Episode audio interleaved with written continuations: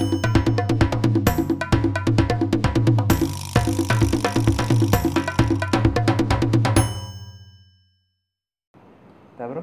Oke.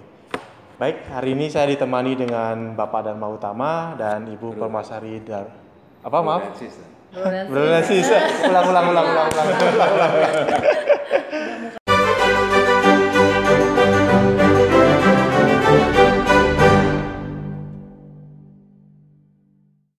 Baik, hari ini kita ditemani oleh uh, Bro and Sis dari PSI untuk DPRD Jakarta. Ini Bro Dharma Utama, Sis Permaswari Wardani. Permasari Panggil Wardani. Imas aja. Imas aja biar gampang ya. Baik. Hari ini kita mau bahas soal Jakarta nih. Kan dua-duanya profesinya arsitek ya. Ya. Ya, jadi kita mau bahas soal apa pembangunan di Jakarta. Nah, Jakarta ini kan dianggapnya sudah sebuah megacity nih. Megacity, Kalau kita bandingin sama Malaysia misalnya, Jabodetabek ini bisa setengahnya Malaysia udah. Ukurannya penduduk Iya. seluruh Malaysia ini setengahnya uh, penduduknya, sorry maaf, penduduk Jabodetabek itu setengahnya penduduk Malaysia. Jadi ukuran penduduknya besar sekali kan. Nah, kira-kira menurut Bro and Sis, permasalahan terbesar untuk Jakarta ini apa sih? Jakarta kalau secara fisik kita lihat udah uh, modern sekali ya. gitu. Cuman memang permasalahannya adalah semua uh, masyarakat menengah ke bawah ya ingin mencari makan di sini di ibu kota. Sehingga mereka akhirnya banyak menempati uh, daerah-daerah seperti uh, bantaran sungai, terus pinggiran rel. Nah, itu yang akhirnya terlihat sangat eh, yang ini mall di belakangnya kumuh gitu ya sangat jomplang nah itu yang kayaknya perlu ada pendisiplinan ya dalam arti pendisiplinan yang manusiawi gitu untuk mereka gitu supaya tidak ada gap yang besar ini gitu ya seperti itu masalahnya ada di pemukiman kumuh juga dan kebersihan kebersihan kota ini kebersihan kurang kotanya kurang. Itu yang dua yang paling utama dari Ya. masalah besar.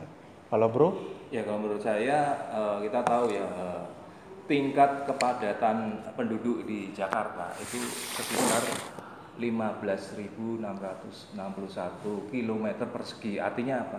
Jadi eh, dalam satu kilometer persegi itu dihuni 15.600 orang lebih gitu. Jadi eh, permasalahannya adalah eh, sudah pasti lahan itu terbatas ya. Keterbatasan lahan Eh, mungkin bagi mereka yang mampu mereka bisa membeli apartemen bisa menyewa apartemen bisa beli rumah tapi bagi yang nggak mampu gimana bagi yang nggak mampu yang masih bisa terfasilitasi oleh pemerintah mereka mungkin dapat eh, rusunawa tapi bagi mereka yang tidak tertampung akhirnya ke mana akhirnya mereka mendirikan permukiman kumuh di menjerobot tanah-tanah negara eh, di bantaran rel kereta api bantaran kali dan yang sebagainya seharusnya di Iya. harusnya itu bebas tidak Iya ada harusnya pemukiman di situ itu kan daerah jalur hijau, Jalur daerah hijau. daerah bebas itu. Tapi kenyataannya kan lahan-lahan itu diserobot oleh mereka yang eh, mungkin secara ekonomi nggak mampu membeli rumah, membeli permukiman, ya akhirnya mereka larinya ke situ. Terus eh, juga arus urbanisasi juga pengaruh ya.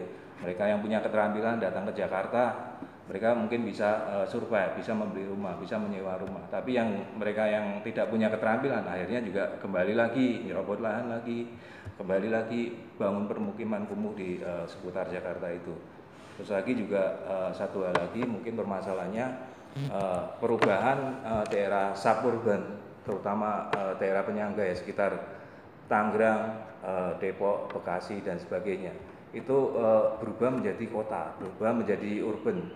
Seakan-akan udah nggak ada batas lagi eh, secara ini ya visual, semuanya cuma administrasi aja. Menjadi suatu kota yang besar sehingga kota-kota penyangga itu menjadi beban bagi kota induknya yaitu eh, Jakarta itu sendiri. Saya rasa permasalahannya tiga hal itu ya menurut saya.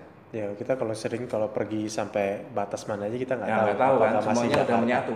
Kita Iya. ke Jakarta, Jabodetabek, Jur, Cianjur itu udah kayaknya menyatu semua gitu. Betul betul.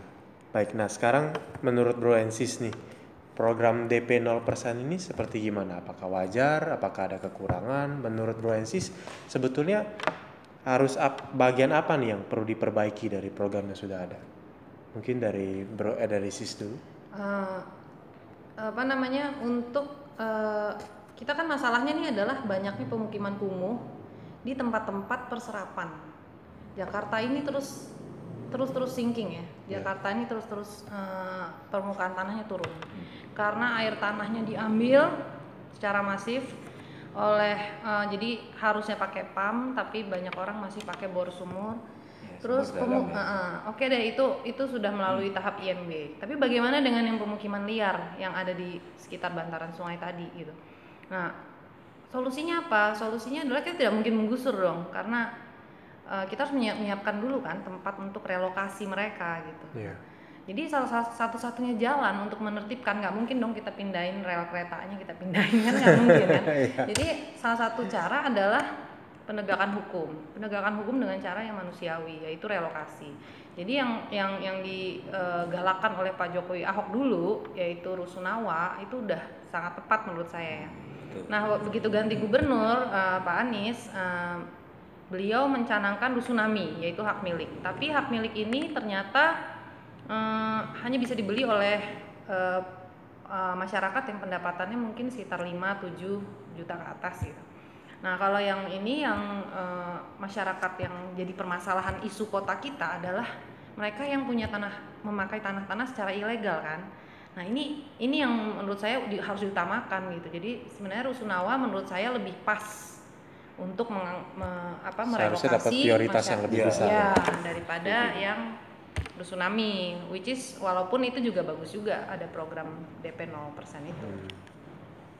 ya dari kalau menurut saya program DP 0% itu eh, salah sasaran ya. Pertama kenapa? Eh, masyarakat eh, miskin yang penghasilannya UMR bahkan di bawah UMR itu nggak bakalan bisa mengakses eh, untuk eh, kredit itu. Gitu. Jadi eh, sasarannya justru mereka yang menengah benernya yang yang eh, yang bisa ngebeli penghasilan mereka antara 4 sampai 7 juta nah, itu baru bisa ngebeli.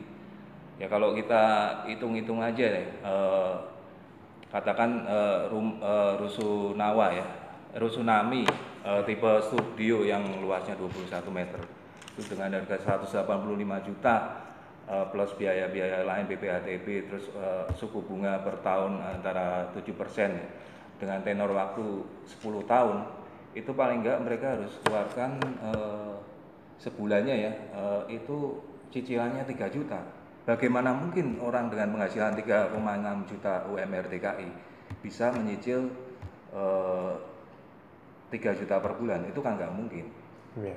Terus juga eh, masalah perbankan juga. Itu eh, perbankan juga eh, ada persyaratannya bahwa 30% dari penghasilan maksimal saja yang boleh digunakan untuk mencicil rumah. Nah, sekarang kalau penghasilannya 3,6 juta eh, juta per bulan, nyicil 3 juta tuh itu jelas nggak mungkin.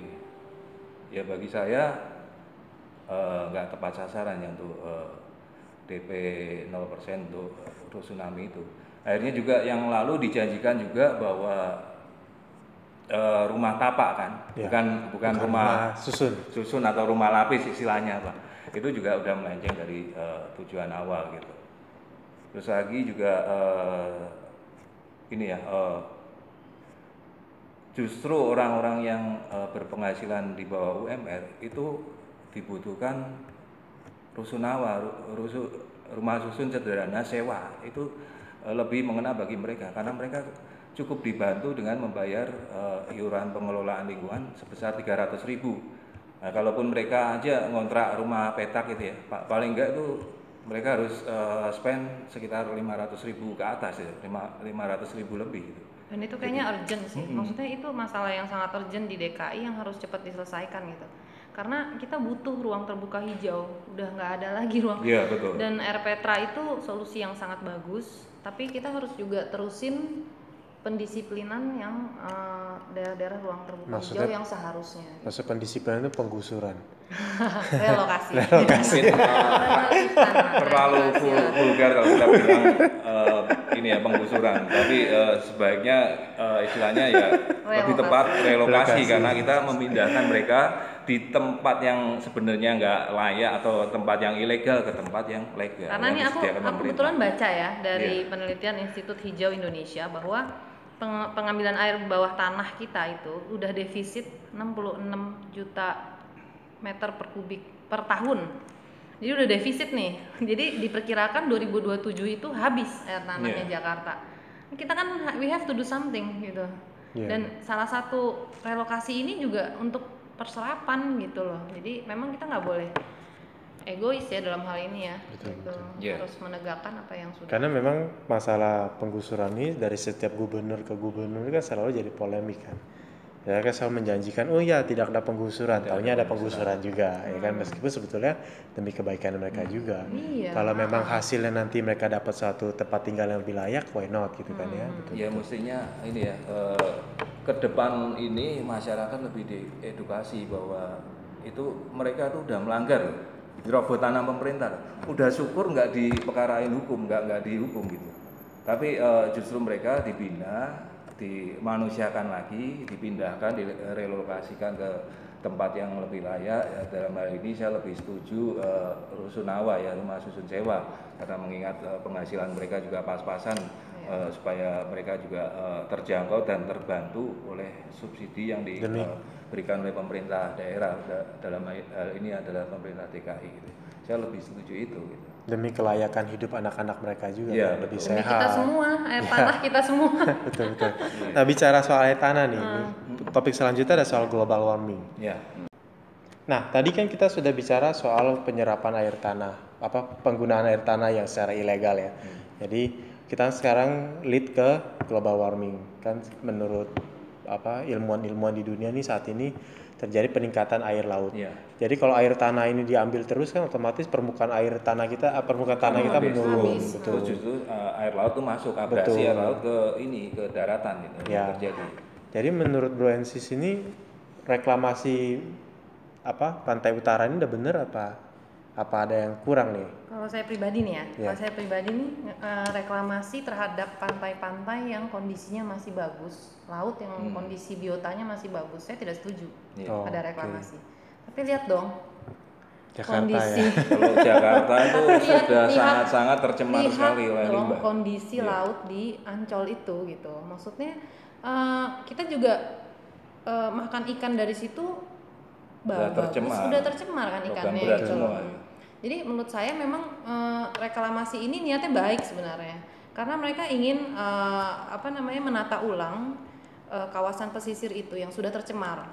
Nah, tapi efeknya adalah kenapa banyak banyak protes ya? Karena mereka Ya, politis juga kembali-kembali itu. Ya, tapi Nah, mungkin aktivis-aktivis ini juga mengkhawatirkan ini udah tercemar sekian persen, ntar akan nambah lagi nih gitu. Nah, Karena dengan adanya eh, apa pembangunan di situ gitu. Cuman eh, saya yakin ilmuwan-ilmuwan kita itu punya cara untuk merestorasi eh, ekologi bawah laut. Jadi saya pernah baca ya kalau nggak salah di Dubai atau pokoknya ada yang eh, suatu daerah eh negara melakukan eh, reklamasi. Setelah itu mereka me- merancang lagi biota lautnya. Jadi menanam bibit lagi di situ, terus untuk apa namanya tumbuhan lautnya juga di di apa ditata lagi. Jadi restorasi lah laut itu kondisinya.